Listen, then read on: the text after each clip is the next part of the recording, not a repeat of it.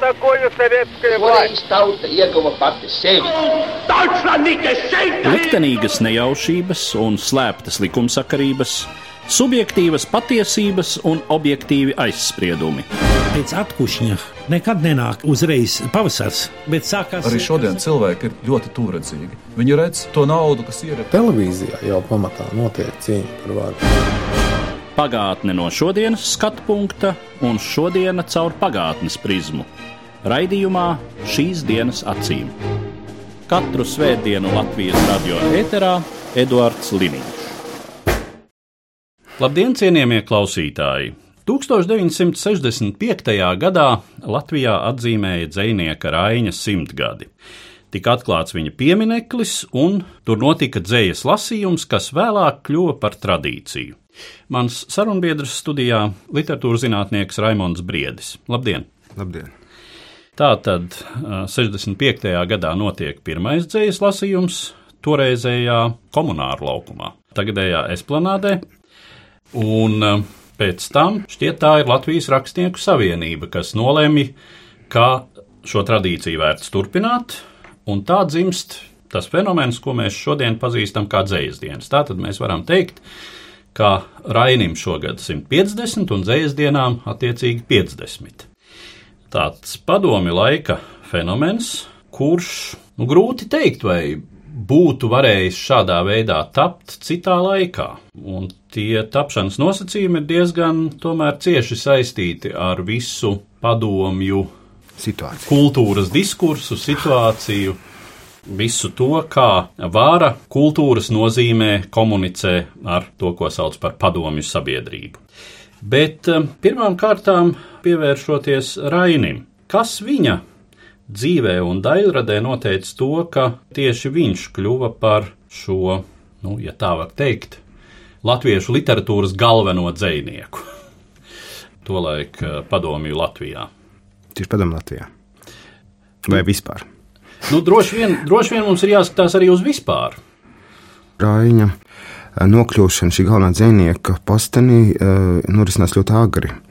Tur droši vien, ja kāds pētītu sīkāk, varētu ieraudzīt, kā viņš pakāpeniski un pēc tam ļoti ātri nonāk uh, visu uzmanības centrā, kuram seko. Es domāju, tur ir diezgan daudz tādas lietas, kas ar Rainu vārdu ir saistītas. Droši vien, tā vispirms ir Aspazīja, kura ir klātsoša Rainim jau tad, kad viņš darbojas kā tulkotājs. Tad Rainis vienīgais no tādiem lielākiem dzīsniekiem, kas saistīts ar jaunās strāvas arestiem.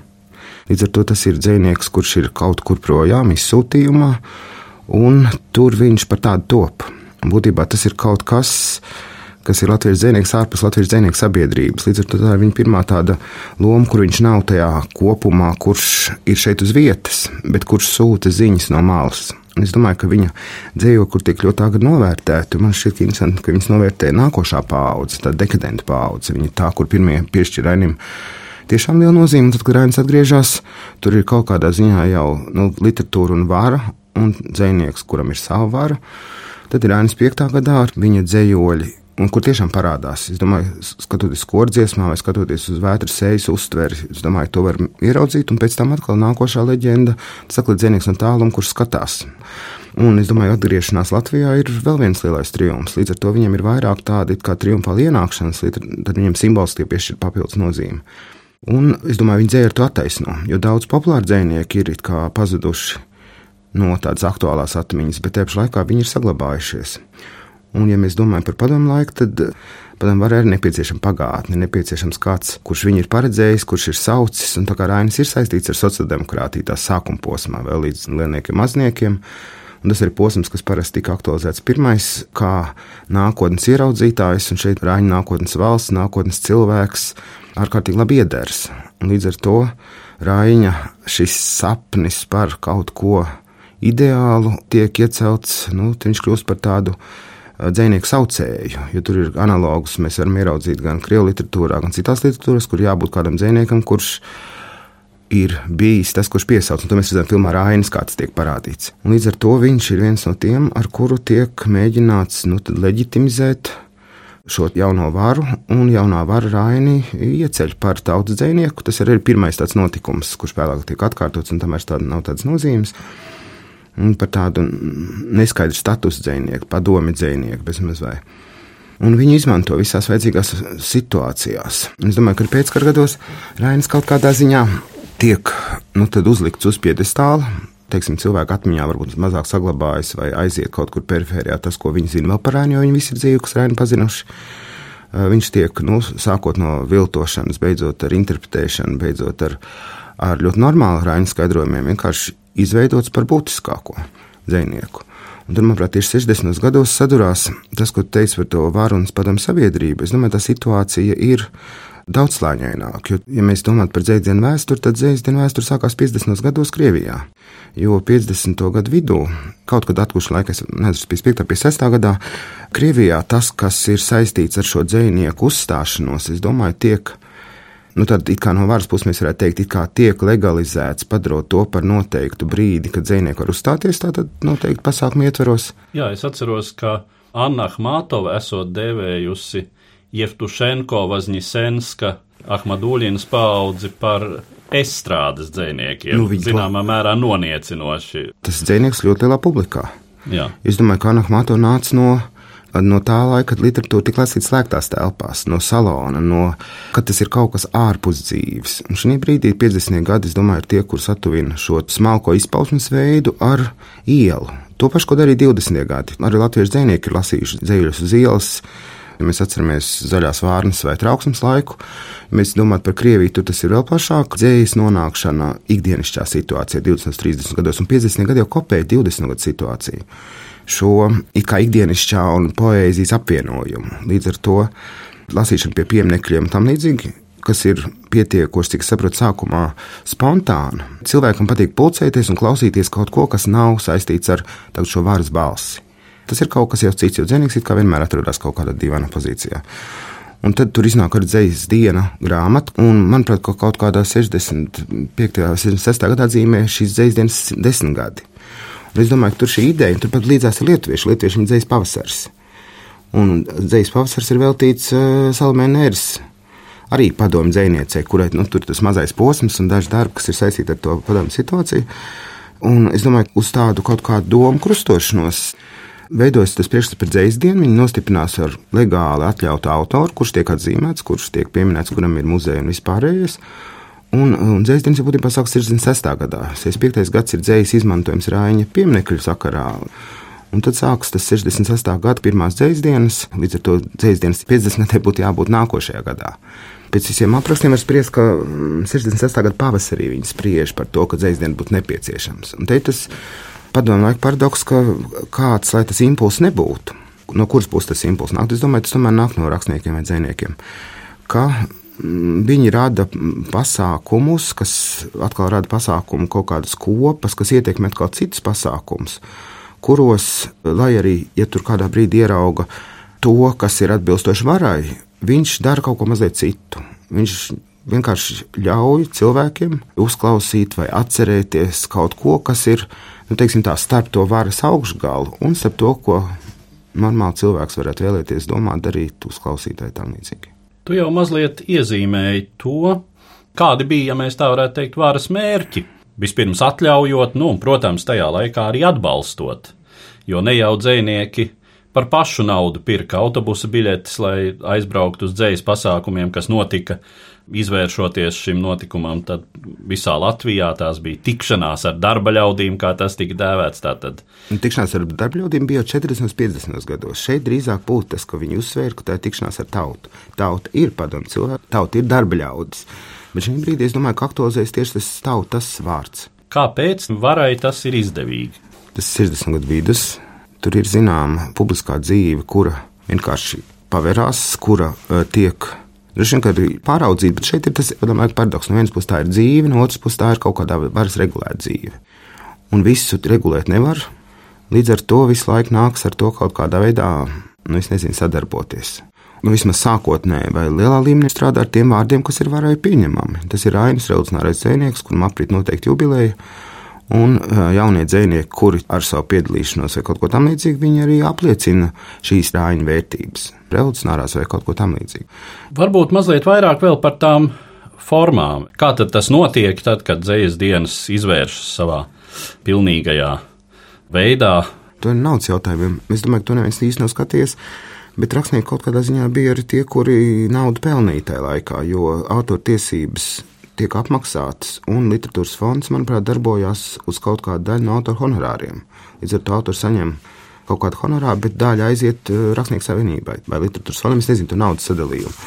Līdz ar to tur nav īsti tāds tikai valsts nu, teiksim, pabalsts vai varas pabalsts. Tas ir jau tāds jautājums, kur būtu jāpēta. Jā, tas būtu pētāms jautājums, lai gan atcerēsimies, toreiz grāmatas tika pirktas daudz aktīvāk nekā šobrīd. Grāmatas izdeva lielos metienos, un tas, ja kāds mūsdienās varētu izdot 10,000, 20,000 vai pat 45,000, tā ir ļoti liela peļņa. Tā ir masu tirāža, Viņi ir lēti, viņi pērk daudz, grāmatas ir deficīts, tas ir jau simbolisks preces, kur tajā laikā lieto. Līdz ar to tur ir zināmā mērā kaut kāda ienākuma. Ir. Un es domāju, ka tie pasākumi tur ir. Sākumā jau, manuprāt, tas ir tuvāks tam, kas ir bijis pierasts. Nu, tā tikšanās ar darbļaudiem tika iznesta uz laukuma. Autori nonāk zem klājas debesis. Jo iepriekš tās ir tikšanās ar nu, strādniekiem fabrikās, ir tikšanās ar skolniekiem, tikšanās universitātes aulā vai nu, kaut kādās tādās vietās, kuras jau ir iestrādātas iepriekšējā laikā. Šeit ir šī pulcēšanās, pūlis, kurš nāk labprātīgi, plus skolnieki, protams, skolotāji pierunāti. Un tad parādās visi šie izbraukumi, kuri tiek organizēti un izveidot veselu tīklu, iepazīstinot eh, vai piespiežot atcerēties visdažādākās Latvijas vietās Manuprāt, tur veidojas kaut kāda jau papildus komunikācija. Tur viņi veic to tīri padomu dzīvnieku misiju, iet pie tautas. Un tad atkal, ko viņi tur runā, par to stāstīs dažādākās lietas. Un tad es domāju, tie ir lielie simboliskie pasākumi. Nu, publiskais ir atklāšana pie uh, Rāņa pieminiekļa. Un atkal nevis komunāla laukuma uzturēt, bet pie Rāņa pieminiekļa. Un Rāņas ir kaut kas, nu, kā kaut kas cits nekā komunāla, kur pieprasīt, nu, tīri reliģiskās kaut kādas izpausmes. Un es domāju, viss, vai tur mākslas dienas vai teātris dienas, tas viss nāk no dzīslu dienām. Es domāju, arī dziesmu svētki ir savādāki, pateicoties dzīsdienām. Tas ieteikuma lauks, es domāju, ir ārkārtīgi plašs. Jā, runājot par to, ko tad eh, dzēnieki un rakstnieki runā ar eh, tautu. Sauksim to tā. Nedomāsim jau, ka tas netika kontrolēts. Arī starp literātiem bija cilvēki, kuriem bija uzdevums eh, uzrakstīt pēc tam atskaiti. Rakstnieki raksta, neko nevar darīt. Eh, un eh, lielākoties viņi pat bija zināmi, kur, kurš, teiksim, ziņo tieši stūramājai par kādām nevēlamām tendencēm, neskatoties uz to. Dzējas dienas bija diezgan nepārprotami tāds intonatīvas opozīcijas akts. Un Latvijas radiofonotēkā, starp citu, ir viens ļoti spilgts um, ieraksts saglabājies, kur Ojārs Vācietis 1968. gadā dzējas dienu pasākumā Rakstnieku savienībā uh, lasa savu dzējoli Pūtvējiņu. Pilnā variantā, kurš viņa dzīves laikā tā arī netika nodrukāts, tika nodrukāts apcirpts variants kādus desmit gadus vēlāk. Nu, tā tad uh, šī uzstāšanās, kur es domāju, dažām labām vienkārši attislējās stāvus tajā brīdī, dzirdot tekstu apkārt sarkans, vidū balts. Tā ir tautas sirdsapziņa, un tai mūžam tādai būt, būt vējiņi, dzen laiviņi, būt vējiņi, būt. Riesklons vai pļavas ciņi, vai nu vagars, vai nu jots, un tik vien tā būt vējiņi, cik tu jāņu naktī zods Esi mierīgs, dzīvo rāmi, kamēr kauli sausi kalst. Dieviņš aizdos savu prāmi nokļūt tur, kur veļu valsts. Pūt vējiņi, dzen laiviņu, aizdzen mani kapsētā. Mūžas svils kā darvas ķīpas, platā mugurā kā galds, piektais gads velk savas strīpas, apkārt sarkans, vidu balts. Pārāk cietāda viņiem, nu, tad lai palīdz miets un plī Nav nekāda pūtvēņa, ir božet carē hraņī. Pūtvēņi dzen laiviņu aizdzen mani katorga. Durkli zemē, plecā somu pūtvēņi spārnu splēt, pietiek pelēt, jāsāk domāt, pietiek kaut un jāiet sēt. Paliek gaisā sapņi zili, ej kur tālums gaida zils laiks, un svešā Pēterpilī sākas tava Pēterpils pūt vējiņu, dzen laiviņu, aizdzen revolūcijā. Sarkanais, nāc stājies strīpā, kur sarkans apklāts galds, kas uz pleciem tev par strīpām, apkārt sarkans vidū balts. turi muti, stāvi klusu, lai tur muti tavēs mūž, zināms sen, uz kuru pusi tavi pūtvēji pūš. Pūtvēji, dzen laiviņu, vai nu tur, vai vorkutā. Atkal liktenis bangas uzsit, atkal viņam ņirdzīgs spīts, vienam stobrs uz vakarpusi, otram ņemts uz grauda rīts.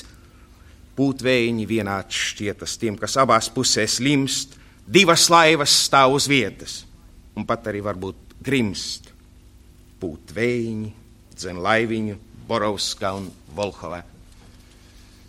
Pūtvēji, skani saldi, kaut tavs mūžs pēc nāves salds. Neviens skangals tā nav skaldīts, neviens pīslis tā nav malts. Pūt vējiņi, cik ir dušas, ne tik viegli masti lūst, pūt vējiņi, kamēr pūšas, kamēr būras ir, kur pūst.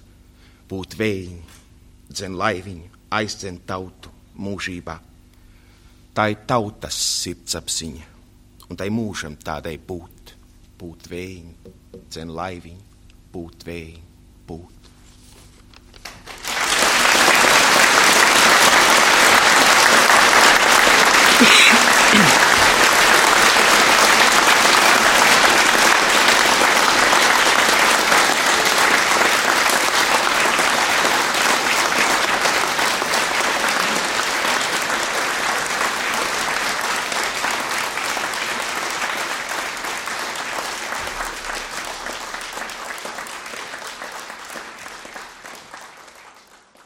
68. Nu, 69. viņš vairs to publicēt nevar. Tas ir domāju, diezgan skaidrs. Es domāju, ir diezgan daudz tādu tekstu, kuri ir lasīti publiski, bet kurus pēc tam nepieļauj publicēšanai. Līdz ar to viņi tiek publiskoti mutuālu formā, tas ir ierobežotā sabiedrībā, nu, tādā zālē vai kaut vai uz laukuma. Tas tomēr ir tāds ierobežots cilvēku teiksim, lauks. Nu, kā es domāju, padomāju, ka ik pa brīdim bija tā, nu, lai nebūtu pārāk sāpīgi tev, bet kaut kā mazliet izlekta. Nu, tagad kaut ko apliecināt. Un es domāju, tev ir mazliet tāda vēlme paspēlēties ar to. Nu, tā arī tā, lai tev nebūtu sāpīgi. Tu vari kaut ko tādu izdarīt. Un tad tu esi nu, tā dubulti morāli tīrs, jo tu esi pateicis, ko tu gribēji. Bet tas ir bijis tikai tādā šaurā lokā. Es domāju, ka tieši tas ir tas interesantais ļoti daudzos pasākumos, un es domāju, vēlāk, jau 70. un 80. gadu sākumā, Tur ir diezgan, varbūt pat brīvas tās robežas, lai arī viss zina noteikumus, lai arī zina, ka te kaut ko klausās vai tam līdzīgi. Bet cilvēki rīkojās nu, ārkārtīgi dažādi. Jo, ja kāds aizbrauktu 80 gadu sākumā, 70 gadu beigās un lasītu dzējoļus par padomju varoņiem vai kaut ko tamlīdzīgu, nu, es nezinu, vai kāds viņus tur iet klausīties. Tur arī cilvēki izlasīja, kuri autori ir to vērts, lai viņiem klausītos, un autori, kurus var paturēt skolas mācību grāmatām.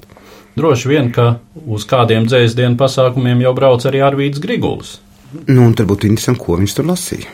Jo Griguls jau vēl var būt interesants. Ir autori, kuri ir neinteresantāki. Vēl tāds moments, kas arī saistās ar dzēsdienām, ir nu, atkal tāds padomi kanonā ļoti iestrādāts motīvs, kā tautu draudzība, uh mhm. -huh. kā padomju internacionālisms, tātad tuvināšanās šajā gadījumā starp dažādu padomju tautu kultūrām.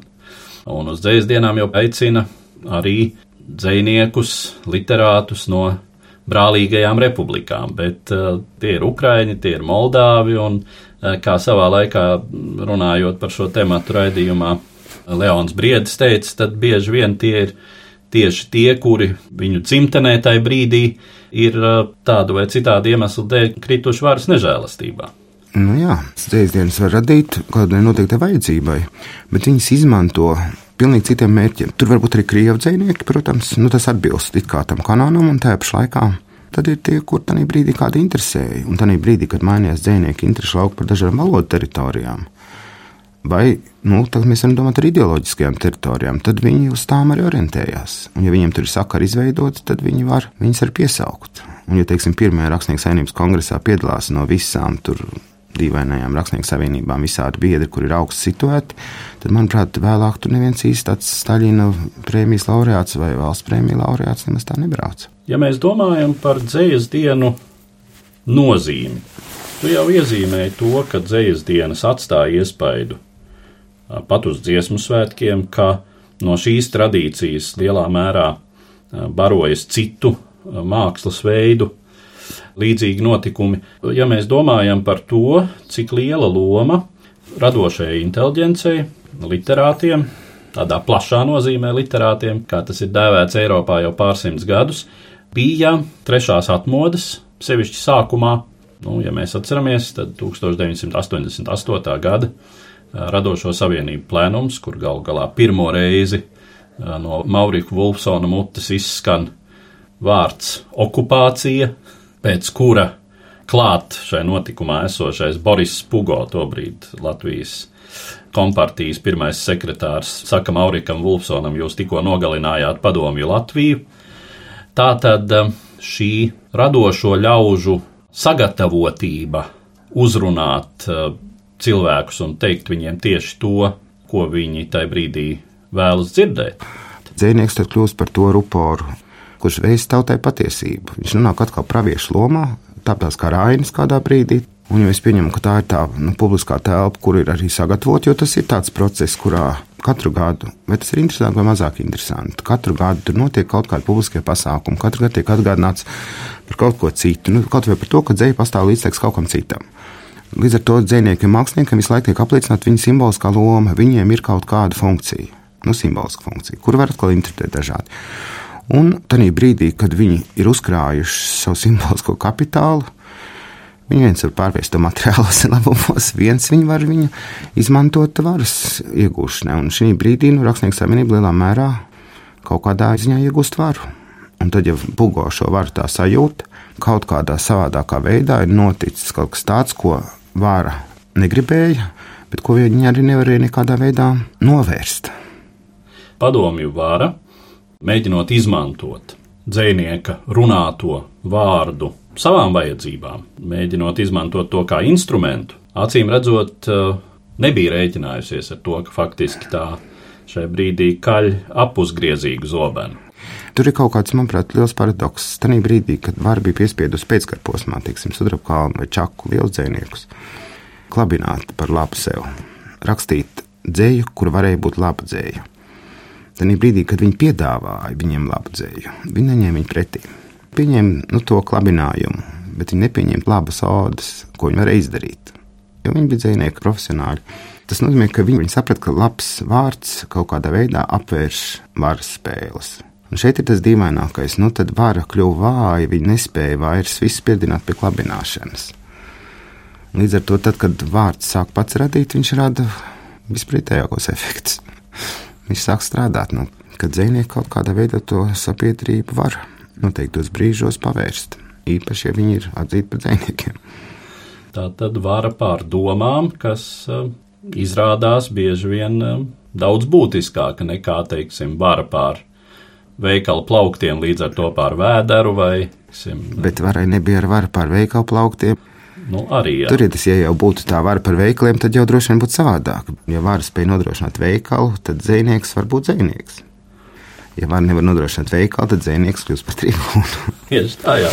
Tautas neapmierinātības potenciāls tikai no brīvības trūkuma ir nepietiekams revolūcija, ir jābūt arī maizes trūkumam. Un, Bet tas ļoti labi stimulē literatūras lasīšanu. Brīvības trūkums, ne brīvības trūkums. Kas notiek ar dzīslas dienām pēc tam, kad viss ir mainījies, kad Padomju Savienība sabrukusi, Latvija atgūsi savu valstiskumu? es pieļauju, ka tajā brīdī dažam labam sāka šķist, ka viss ir beidzies, ka dzinieka tautas tribūna loma ir izspēlēta, un ko tad dziniekam iet tautas priekšā? Nu, tad dzīslu dienas notiek mazliet pēc inerces, tā ir tradīcija. Un tradīcijas vienmēr ir saistītas ar kaut kādu atkārtošanos. Un es domāju, ja mēs tā pavedinātu atmiņā, kas ir noticis, mēs ieraudzītu, ka tas spilgtāks mirklis vai mazāk spilgts, bet tas ir atkarīgs jau nevis no tā, kas tiek pateikts, bet no kaut kāda veida, kā tas tiek pateikts, vai arī tas ir kaut kāds īpašs teksts, kas ir savādāks. Līdz ar to dzīsdienas ir kā pietuvinās tiešām lasītājiem, nevis tautai. Līdztekus, nu, ja mēs esam, ir prozas lasījumi, kas arī ir tā alternatīva. Ja mēs skatītos, no kurienes viņi nāk, viņi arī nāk no dziesmu tradīcijas, plus Andrija Upīša un, un, un Rāņa pretmeta. Publiskie procesi vienā brīdī bija it kā neinteresantāk vai mazāk interesanti cilvēkiem uz laukuma nāca maz tika lasīts kaut kas, tad man šeit vienmēr kaut kam ir jānotiek. Cik plaši tas nav pat būtiski. Šī brīdī jau darbojās tā tradīcija. Tad tie braucieni, kas kādreiz bija apkārt pa visu Latviju, šī brīdī ļoti daudzās dažādās mazās vietās liek organizēt dzīslu dienas. Vienalga, vai tie būtu vietējie dzinieki, vai kāds tiek uh, angažēts no Rīgas vai no kādas citas vietas. Un atkal viņi visu laiku ir kaut kā klātesoši. Es saku, tādā ikdienā atgādinot, ka ir vēl kaut kas. Nu, kaut kas cits, kaut kas nepraktisks. Un tas nepraktiskums arī ir vairāk vai mazāk apmeklēts. Un es domāju, ka šogad Raņa pieminiekļi bija pasākums, kas bija tāds ļoti mierīgs, klasisks, no vienas puses ārkārtīgi to tradīciju, kas bija kādreiz atgādinošs. Un, manuprāt, īsti nedzirdēju, ka kāds teiktu, ak, atkal tas pats, kas bija kādreiz. Atceros, starp citu, no 90. gadu vidus, kad uh, kultūras finansējums bija vistrūcīgākais, nu, tādu anekdotisku gadījumu, kad dzējas dienu laiks sakrita ar tuvām vēlēšanām. Tad viena no partijām kas bija sponsorējusi ceļu dienu krājumu iznākšanu, nolēma, ka viņai ir eh, jāizmanto tas kā savs priekšvēlēšana pasākums. Un tad tur izcēlās teju vai neliels konflikts, vai, vai pat diezgan liels konflikts mm. starp konkrēti klātesošajiem bezparteiskajiem dziniekiem un uh, partijas cilvēkiem un partijaskiem literātiem, kas arī tur bija klāt. Un tad, um, kā atcerējās mans draugs Jānis Elsbergs, kad pasākums bija beidzies, tad uh, Pauls Putniņš sāka kliegt uz Māra Čaklo, un Jānis Kina sinhroni sāka kliegt uz Jānu mm. Elsbergu. Mēs jums dzēs dienu krājumu, un jūs mums pārmetat, ka mēs šeit esam mm. klāt, un tā sacīt runājam par savu, par savu kamenīti. Tobrīd Zemnieku savienības priekšvēlēšana emblēma bija kamenīte. Nu jā, un tajā brīdī varbūt tas bija kaut kas nepatīkams, bet, ja mēs padomājam tā, no tādas vēsturiskās perspektīvas, tas ir ārkārtīgi interesanti, kā atkal dzinieki ir politikā. Viņi ir kaut kādā veidā vārds balsts, uz viņiem var kliegt ne tikai kā uz dziniekiem, bet arī kā uz politiķiem vai tam līdzīgi. Un, ka tev, ja vēl dzīslas dienas beigās kāds draudzīgi izkautos politisku mērķu vārdā, tas ir pat skaisti. Kā tu novērtētu, cik liela ir cilvēku vajadzība šodien uzklausīt rakstnieku, dzinieku, kad galu galā taču teksti ir kļuvuši pieejamāki nekā tie bija jebkad agrāk. Teksti ir pieejami ne tikai drukātā veidā, bet ir pieejami tīmeklī. Arī dzinieks var galu galā ierunāt savu uzstāšanos un ievietot YouTube. Un izsūtīt visiem aicinājumu, lūdzu, uz manām personīgajām dzīslu dienām. Nu, manuprāt, to nevienā laikā īstenībā nevar atbildēt, cik tas ir vajadzīgs. Ja mēs domājam par kaut kādu jau plašāku kopumu, kur mēs tā abstrakt varam iedomāties, tad acīm redzot, tas ir nepieciešams. Es jau parasti saku tā, lai cilvēki būtu par ko sarunāties. Ir nepieciešams ārkārtīgi daudz dažādu lietu, kas viņiem ir kaut cik kopīgas, un tad viņi sarunājās, neskaidrojot, par ko viņi runā. Sākot no valodas spēlēm, beidzot ar tādiem jau kultūras spēlēm. Kādu prognozētu? Vai mēs svinēsim, atzīmēsim dzīslu dienu 75 gadi? Nu, to, ka mēs atzīmēsim 50. gadu dienu nākamā gada, un droši vien 52. aiznākamā, tas ir pilnīgi skaidrs un droši. To mēs varam paredzēt. 75 gadi. Nu, te jau ir 75 gadi, tad droši vien, ka es ceru, ka jā. Tad rāņi 200 gadi un dzīs dienas 100 gadi pieredzēs tie dzēnieki, kuri šobrīd ir 25, 30 gadnieki. Nu, tas ir tā, ja mēs pieredzēsim šī brīža jauniem debitantiem, viņu 80 gadi tad mēs noteikti pieredzēsim arī Rāņa 200 gadi un Dzējas dienu 100 gadi. Cik tālu cilvēka dzīves ilgumam tomēr ir tendence palielināties? Un Rāņš gribēja dzīvot 300 gadus. Tad kā zi, dzīvot man saules mūžu. Ar to varbūt arī noslēgsim mūsu šodienas sarunu, kas bija veltīta dzējas dienu tradīcijai, kopš kuras pirmsākuma mēs šogad atzīmējam 50 gadus. Es saku paldies manam sarunbiedram, literatūras zinātniekam Raimondam Briedim. Katru svētdienu Latvijas radio viens par pagātni sarunājas Eduards Līniņš.